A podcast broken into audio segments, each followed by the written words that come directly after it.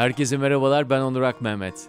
Evet bugün sahnede canlı anlatılmış iki hikayeyi podcastleştirdik ve buradan yayınlıyoruz. Anlat hikayeni etkinliklerini düzenliyoruz biliyorsunuz her ay. Mart ayında da bir etkinlik düzenledik. Teması kısmetti. Her zaman gibi sahneye bir kişi çıktı ve yolunun kısmetle kesiştiği veya kısmete vardığı hikayesini anlattı. İşte bugün o gece sahneye çıkan iki anlatıcımızın Nuran ve Deniz'in hikayelerini yayınlıyoruz. Nuran'ın kız lisesinden mezun olduktan sonra bu kadar çok erkeği ilk defa orada bir arada gördüm dediği üniversite yıllarından bir hikaye dinleyeceksiniz önce. Sınırların aşıldığı, tabuların yıkıldığı bir hikaye bu. Deniz'in hikayesi ise biraz daha varoluşsal diyelim. Merak var, korku, komedi, üzüntü ve heyecan var. Bunlar sürekli en yüksek noktada hikaye boyunca. Ve bu iki anlatıyı birleştiren nokta da içlerindeki sürprizler. Yani kısmet dediğimiz şeyi birçok yerinden tutabiliriz ama o algılarda yer etmiş kodun dışına çıktığımız durumlarda yani sisteme eklediğimizde inancın ancak ve ancak sevmeden çıktığını gördüğümüzde o sürprizlere de hazırlıklı olmak gerektiğini anlıyoruz. Sahneler bu sürprizleri sever, podcastler de sever. Şimdi sizi önce Nuran, sonra Deniz'le baş başa bırakıyorum ve aynı zamanda 24 Mayıs'ta Maslak Unique'de bu iki anlatıcıyı da yepyeni hikayeleriyle dinleme fırsatı bulacağınızı da hatırlatmak istiyorum. Ben bu kısmet e, temasını duyduğumda acayip gıcık oldum. E, çünkü niyet, kısmet ve şans bizim evde e, akrabalarım olarak yaşayan, kendilerinden hiç haz etmediğim üç kavram. E, bunların yüzünden hiçbir şey yapamam ben. Mesela bir şey, birine kızacağım, annem der ki ama niyeti kötü değildi. Böyle dururum, elim kolum bağlı kalır.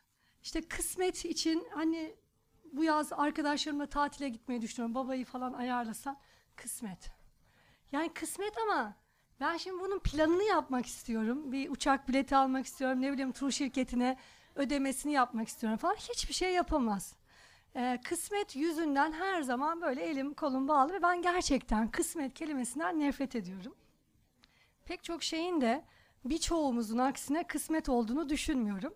Kısmet olmayan hikayemi anlatacağım size.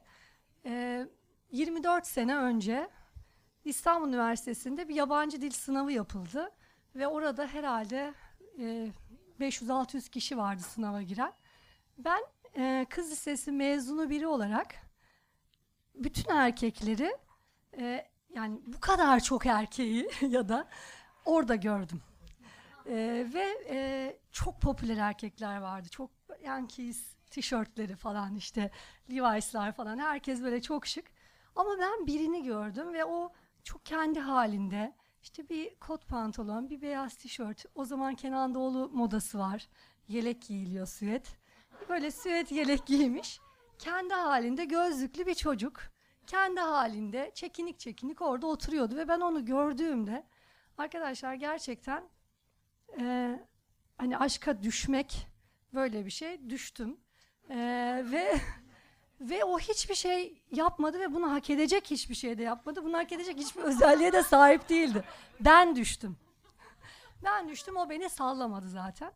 Ee, aradan iki hafta geçti. İngilizce seviyelerimiz belirlendi. Orada herkes e, farklı farklı bölümlerden öğrencilerden oluşuyordu ve ben e, kendi bölümüm için okula başladığımda onunla aynı bölümde olduğumu gördüm. E, bu benim için inanılmaz bir şeydi. Aybars'ı gördüğümde ee, Allah'ım dedim ay inanamıyorum işte o çocuk falan aşığım böyle hani zaten onu düşünüyorum önceki iki haftadan beri. Ee, ve ilk gün böyle hemen eve döndüğümde işte e, kilitli günlüğüme e, onunla ilgili bütün e, planlarımı yazdım. Bütün planlarım da platonik planlar çünkü tecrübe yok yani o, o, o dönem yok. Ee, birkaç gün birkaç gün böyle bir hastalandım. Bir dört beş gün e, gidemedim okula.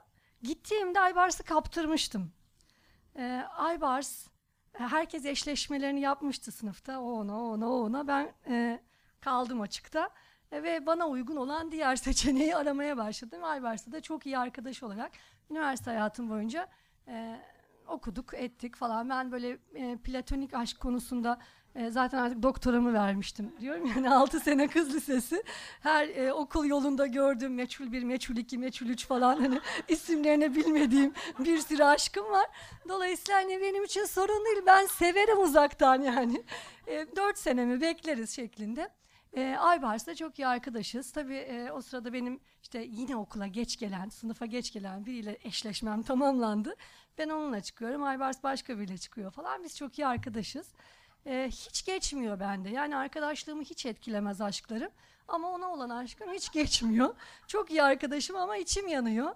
E, nasıl bir e, sınıfa denk düştüysem biz o üniversitenin sonunda böyle 27 kişi beraber tatile çıktık. E, ve gerçekten çok saçmaydı yani hep beraber hareket ediyorduk. Birlikte sinemaya gidiyorduk. Elif kafede birlikte kağıt oynuyorduk falan. Böyle bir hayatımız vardı ve çok değişik bir gruptu. Yani birbirine uygun bir grupta değildi. Ve neyse e, o 27 kişi Antalyalı bir arkadaşımızın evinde e, yani otelde falan değil evinde bazımız dolapta yatarak bazımız yerde yatarak falan 27 kişi tatil yaptık ve sonunda ben ve Aybars arasında belki de benim mayo, bikini falan giymemle başlayan bilmiyorum. Yani çünkü 3-4 sene hiçbir şey olmadı ya. Adam hiç dönüp bakmadı bana ama o birkaç gün böyle bakışlarımız bir değişti falan ve biz çıkmaya başladık. Bir anda aşık olmaya başladık. Hemen o onu bıraktı. Ben onu diğerini bıraktım falan. Bunu da hiç mesele yapmadık. Böyle gayet nankörce, seviyesizce ve umursamadan e, birlikte olmaya başladık. Ondan sonra da Aybars'ın yurt dışı kabulü e, geldi ve o yurt dışına gittim. Benim o zamana kadar bütün akrabalarım Amerika'da olduğu için hani bir yere gideceksem Amerika'ya giderim. En benim için ucuz yol oydu. İngiltere'de de kimsem yoktu. Ama o İngiltere'ye gitti ve ben hemen 3 ay boyunca e, İngiltere'ye nasıl giderim planı yaptım. E, deli gibi çalıştım. Deli gibi işte para biriktirdim. E, anneme babama İngiltere'den e, kraliyet ailesi tarafından davet edildiğim ve muhakkak gitmem gerektiğine varacak kadar e, mecburi görev hissi yarattım ve e, bir şekilde ikna ettim onları ve İngiltere'ye gittim. Talihsizlik o ki okul başında nasıl bir hafta hastalanıp Aybars'ı kaptırdıysam ondan 3 ay geç giderek yine bir İngiliz kızına Aybars'ı kaptırdım. Ee, çok planlar yapmıştık biz gittiğimizde yani birlikte olmakla ilgili çok fazla planımız vardı ama ben gittiğimde onların e, hepsinin olmayacağı gerçeğiyle e, kısa sürede yüzleştim. Fakat ben de Arnavut olduğum için herhalde bir Arnavut inadı vardır. E, yani sevmek konu değil benim için. Sevme severiz. severiz her türlü. E, ama e, sahip olmadan da sevmeyi gerçekten o yaşlarda da biliyordum herhalde. Hala da öyledir. Ve e, yürümeyen ilişki, ayrılık, hayal kırıklıkları, benim kendi başıma İngiltere'de ayakta kalma mücadelelerim ve sonra da işte bir yıl sonra benim Türkiye'ye dönüşüm, onun da orada yaşamaya başlamasıyla bizim hikaye e, bitti. Yani ben gittikten bir ay sonra ayrıldık ama e, benim Türkiye'ye dönüşüm bir seneyi buldum. Döndüğümde abartmıyorum. E, şöyle hayallerim vardı. Ben şarkı söylemeyi severim. İşte bir gün ünlü olacağım. Ve Aybars beni sahnede görecek ve kaçırdığı şeyi görecek falan işte. Bir gün kitap yazacağım. Benim kitabımı okuyacak ve hani çok iyi bir iş kadını olacağım ve Aybars ihaleye gelecek falan. Atkımı takacağım. Yani o ihale zaten sürekli kafamda. Hep bir şey var. Yani Aybars'a gününü göstermekle ilgili bir plan var. Ama Aybars'ın da umurunda değil. Aybars İngiltere'de Avustralyalı bir kadınla evlenmiş falan hayat devam ediyor. Ha ben de boş durmadım evlendim bu arada. Yani e, diyorum yani uzaktan sevmeyi bilirim ama hayatta devam eder. E, hiç geçmedi bende Aybars ama hiç de e, böyle çaresizlik içinde ağlayarak, üzülerek geçirdiğim bir şey olmadı. Çünkü bence e, bunu söylemeyi önemli buluyorum. Sevmenin kendisi çok kıymetli ve bir diğerinden bağımsız bir olay olarak görüyorum. Ben çok sevdim Aybars'ı e, ve ayrı olduğumuz tüm dönemlerde kendi hayatımı sürdürürken içten içe de o sevgiyi hep yaşadım ve hep Türkiye'ye geldiğinde hissettim. Yani böyle olur olmadık zamanlarda onun hiç değişmeyen 532'li numarasını arayıp e, onu karşımda buldum. Hatta bir keresinde bana şunu dedi. Aa Ayvars Türkiye'de misin dedim. Ya evet bir düğün işim var onun için geldim dedi. O böyle bir düğün işi var dediğinde onun kız kardeşi 12 yaşındaydı o zaman. Allah'ım ne olur Ayça evlenmiş olsun falan diyorum. olmasın lütfen. Ve oymuş. Ee, ondan sonra ben de şey dedim ona. Bak fotoğraf çekimi çok önemlidir. Sakin ol. Fotoğraf çekilirken gergin olma. Yani ne şeyime o kadar onun fotoğrafı benim için önemliyse. Ve saçma sapan açıklamalar. Neyse Aybars e, aşkı devam ediyor. Annemler işte bu arada evliyim. Annemler kara kara düşünüyor. Ya bu kız yani biraz kafası karışık mı falan. Ve bir 10 sene geçti arkadaşlar. 10 sene sonra e, bir gün Türkiye'ye geldiğinde Aybars tesadüfen e, karşılaştık. Sohbet ettik ve o karşılaşmada ben şey dedim. Bitti. Ama e, bir gün sahip olmakla ilgili meselem bitti. Yani Aybars'ı sevmenin bitmeyeceği konusunda e, ge- geçmiyor bende. 24 yıldır geçmiyor ama e, artık onun bir gün hani bir gün ünlü olmak, bir gün yazar olmak, bir gün şarkıcı olmak, bir gün iş kadını olmak falan onlar bitti. Aybars'ı artık özgür bıraktım. Beraber bir şarap içtik. O memleketine döndü. Ben işime gücüme döndüm ve aradan iki sene sonra sizin aranızda çok genç arkadaşlar var. O zaman Facebook yeni çıkmıştı ve davetiyeler, dürtmeler falan yeni başlamıştı. Ee, ben Facebook'u öğrendiğimde ve orada eşimden boşanmıştım. Ee, hemen Facebook'a girdim. Ayvars'ta var mı acaba diye. Vardı ve e, böyle şey korktum yani hani Facebook ne olduğunu da bilmediğim için biraz ürküttü beni. Vay adi orada falan. İşte beni bıraktı ama orada şeklinde. Hemen davetiye. Ondan sonra e, Aybars da kabul etti. E, ve bir iki sene daha hiç konuşmadan geçti. Ya şuna e, şu e, bazılarınız olmuştur. Hani bu böyle emojiler vardı işte gülen, gözlüklü falan. Onlara anlam yüklediğiniz oldu mu hiç? Ben mesela Aybars'la yazışırken o gözlüklü duruyordu ya böyle pislik ya. Yani çok kendinden emindi falan. Yani o sadece bir emojiydi. Ama bana o kadar çok şey ifade ediyor. Bak görüyor musun ne kadar kendinden emin. Zaten beni böyle bıraktı falan filan diye. Anlamlar yüklüyormuş. Ne yapıyorsun Aybars diyorum. Wimbledon'dayım diyor falan. Ben böyle televizyon açıyorum. Tenis maçında Aybars'ı görmeye çalışıyorum. Geçmiyor, geçmiyor, geçmiyor. Ee, bir de benim bir mahkemem vardı İngiltere'yle. Yani bir 10 sene kadar da yurt dışına gitmem yasaktı. Ee, kavurma yüzünden.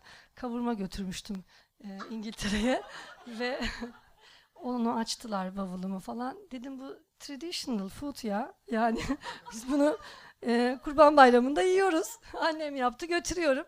Olmaz dediler. Ondan sonra ben onları mahkemeye verdim. Bavulumu açtılar diye. Onlar da beni mahkemeye verdi falan. Böyle bir 10 yıl yasağım vardı. Saçma sapan bir et yüzünden. E, ama Arnavutlarda kuru et meşhurdur biliyorsunuz. Yani onun, ondan ödün vermiyoruz. Dolayısıyla ben 10 senede İngiltere'ye gidemedim. Ne zaman ki 10 sene doldu, gerçekten dolduğu gün 14 Şubat Aybars'ın doğum günü ben İngiltere'ye gittim ve Aybars'ı görmek için gitmedim. Ya şöyle itiraf ediyorum Aybars'ı görmek için gittim de Aybars'ı göreceğimi düşünerek gitmedim. Ee, gittim. Ee, bütün e, 10 yıllık hikayemi, orada geçirdiğim 18 yaş dönemlerini biraz da temize geçirmek için e, ve orada onunla e, karşılaştım. Yani biraz dürtmeyle oldu tabii Facebook falan. Ben buradayım Aybars görüşür müyüz falan. E, mesajları atmış olabilirim tabii. E, ve biz karşılaştık. Bundan 10 sene önce. Karşılaştık.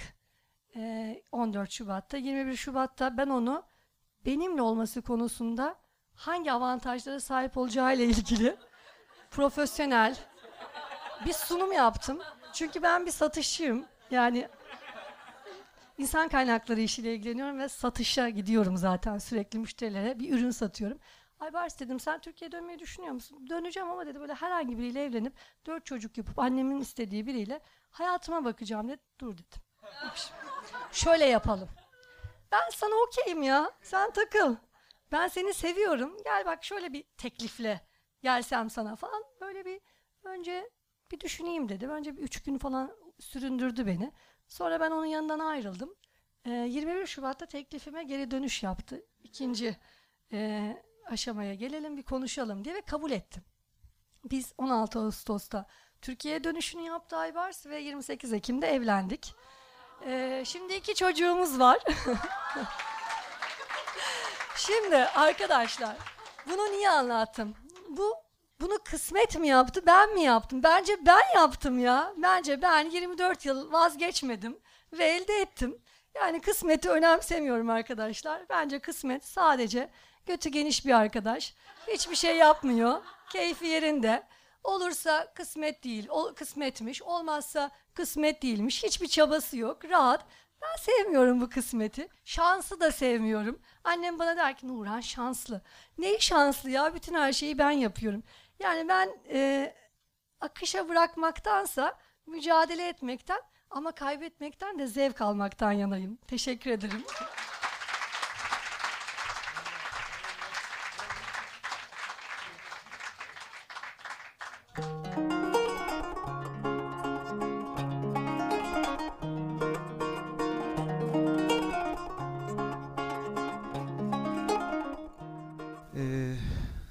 Sıradan bir günde e, sene 92'de sanırım annem e, kendinde hamilelik belirtileri olduğunu fark ediyor ve e, gün sıradan olmaktan çıkıyor. Annem derhal doktora gidiyor ve çeşitli testler yaptırıyor. Doktor anneme hamile olduğunu söylüyor. Annem sonrasında eve dönüyor ve e, babama bunu nasıl söyleyeceğini vesaire düşünüyor. Üç çeşit yemek yapıyor. Ee, güzel bir masa hazırlıyor ve e, babamı beklemeye başlıyor. Ee, şu sıralar bizim evde o kadar yemek pişmiyor çünkü Maynet Okey'in çıkışıyla evdeki yemek yapma oranının e, oranı ters orantılı. Ee, sonrasında babam geliyor. Yemeği yiyor güzelce bir mutlu oluyor. Serotonini salgılıyor falan böyle. Oturuyorlar. Annem diyor ki ben hamileyim. Ee, babam bir süre sessiz kalıyor böyle bir duruyor. Bir sessizlik anı yaşanıyor. Ee, sonrasında babam diyor ki "Ee, neden hamile kaldın? İşte annem de diyor ki "Ee, bilerek hamile kalmadım falan derken tartışmaya başlıyorlar. Babam diyor ben istemem olmaz bizim durumumuz çok iyi değil. Ee, hali hazırda iki tane çocuk var üçüncüye bakamayız diyor. Annem de diyor ki ben dört tane bile çocuk istiyorum. Sen ne diyorsun ya falan diyor.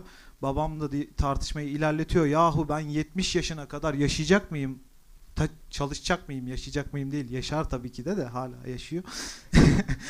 Ee, çalışacak mıyım diyor. Ee, sonra o argümanla tartışmayı kazanıyor. Ee, annemi kürtaj olmaya ikna ediyor. Ee, randevular alıyorlar. Ee, doktora gidiyorlar e, kürtaj hazırlıkları yapılıyor. Annem kürtaj masasına yatıyor. Narkoz veriliyor anneme ve e, oradaki cenin başarılı bir şekilde alınıyor. E, daha sonrasında her şey normal, hayat devam ediyor. Annem kürtaj ilaçları kullanmaya başlıyor. E, kürtajdan sonra kullanılması gereken. E, aradan bir iki ay, iki buçuk ay falan geçiyor. Annemin karnında bir şişkinlik var. E, sonrasında ya diyor ben kürtaj oldum falan. Bu herhalde kist. Kist var benim karnımda falan diyor. Ee, babama diyor baba e, babam geliyor eve babama diyor ki işte bende galiba kist var karnımda herhalde kürtajdan mı bir şeyden oldu falan bir doktora gidelim. Aynen mikrop kapmış. Ee, sonrasında gidiyorlar doktora. Doktor çeşitli testler yapıyor falan. Sonra anneme çemkirmeye başlıyor. Yahu sen nasıl hamile kalırsın kadın? Kürtaj oldun. Narkoz aldın e, bir ton ağır ilaç kullandım. Bu dönemde hamile kalmaman lazım. E, bu çocuk sağlıklı doğamaz doğal olarak. Niye hamile kaldın falan diyor. Babam da oradan ayaklanıyor. Ya imkansız nasıl olur bilmem ne falan diye. Çünkü o iki aylık bir süreçte hiçbir şey geçmemiş aralarında. Babamın derdi başka orada. e, sonrasında e, işte doktor tekrar annemi kürtaj alıyor. Çünkü bu çocuk sağlıklı doğamaz e, kürtaj masasına yatıyor. Babam e, dışarıda bekliyor falan derken anneme tekrar e, narkoz verilecek. Annem o sırada doktorun kolunu kapıyor ve diyor ki doktor bey bana daha önceden başka bir doktor e, çift rahim demişti diyor. E, sonrasında doktor hemen ameliyat, ameliyatı iptal ediyor. E, annemi direkt ultrasona yolluyor. Annem çıkıyor odadan. Babam ortalıkta yok. Annem ultrasona gidiyor falan. E, ultrasona baktırıyor. İşte e, orada bir bebek elleri kolları var ve dört buçuk aylık. Halbuki iki ay önce o bebek alınmış olmalıydı. E, doktora hemen diyorlar. Ba- çıkıyor annem ultrasondan. Babama bakıyor. Babam ortalıkta yok. Arıyor tarıyor falan. E, en son buluyor babamı neredesin falan diye. Babam DNA testlerini araştırıyormuş.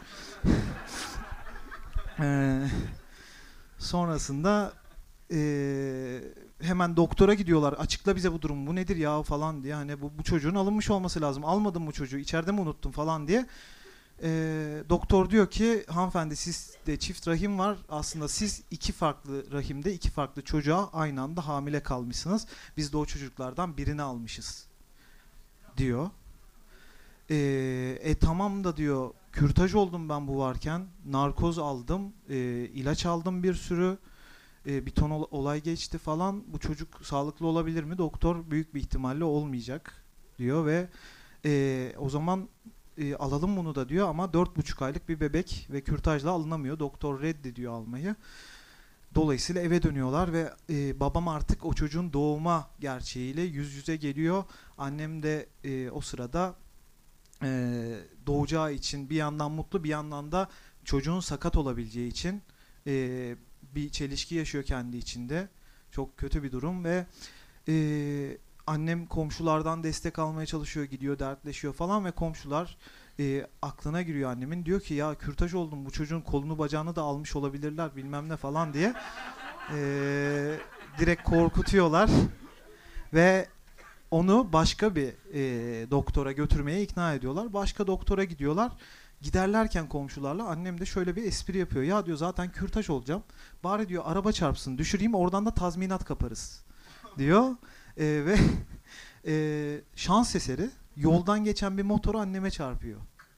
Doktora giderken. Annem yüzüstü yere yapışıyor. E, sonra motorcunun beti benzi atmış hemen geliyor falan abla ne oldu bilmem ne falan diye. Derken annem e, kalkıyor ya ben diyor zaten doktora gidiyorum. Bakıyor çocuk da genç beti benzi atmış korku içinde falan. Tamam diyor bir şey yok yolluyor onu doktora gidiyor. Tabi o doktor da reddediyor. Diyor ki yani rahim zarı çok ince ben e, bu kürtajı yaparsam sen masada kalırsın diyor. Reddediyor artık çocuk doğmak zorunda kalıyor. Ve aradan belli bir zaman geçiyor. Çocuk sağ, sağlıklı bir erkek çocuğu meydana geliyor. Doğuyor ve e, hali hazır hastanedeyken e, babamla konuşuyorlar. Annem e, kordonlarını bağlatmaya karar veriyor. Başka bir hamilelikle baş başa kalmamak için. Artık üç çocuk yeter bize. Durumumuz da kötü falan diye. Kordonları bağlatıyor annem. Tüp. Ha, öyle bana öyle söylediler bilmiyorum. Her neyse bir ameliyata giriyor ve e, annemin e, doktor bir damarını kesiyor ve dikmeden derisini dikiyor ve içeride kesik damar kalıyor o ameliyatta. E, annem eve geliyor. E, yanıyorum açın camları açın falan diye böyle bayağı bir e, heyecana kapılıyor ve anneannem ona kızıyor. Sen daha yeni doğum yaptın ne camı ne bilmem nesi falan hasta mı olacaksın diye. Daha sonrasında annemin tansiyonu 3'e düşüyor. Sanırım ölüm tam, tansiyonuymuş bu. 3'e düşüyor. Acilen e, dok- şey hastaneye kaldırıyorlar annemi. Sabaha kadar belli başlı testler yapıyorlar. Sonradan iç kanama geçirdiği ortaya çıkıyor. Vücudu kanla dolmuş. E, bir ameliyat alıyorlar annemi. Uzun bir ameliyattan sonra e, ameliyat çok iyi geçiyor neyse ki. E, annem hastanede gözlerini açıyor ve ilk söylediği şey yeni doğan bebeği Deniz nerede? Deniz burada hikaye anlatıyor şu anda. Ee,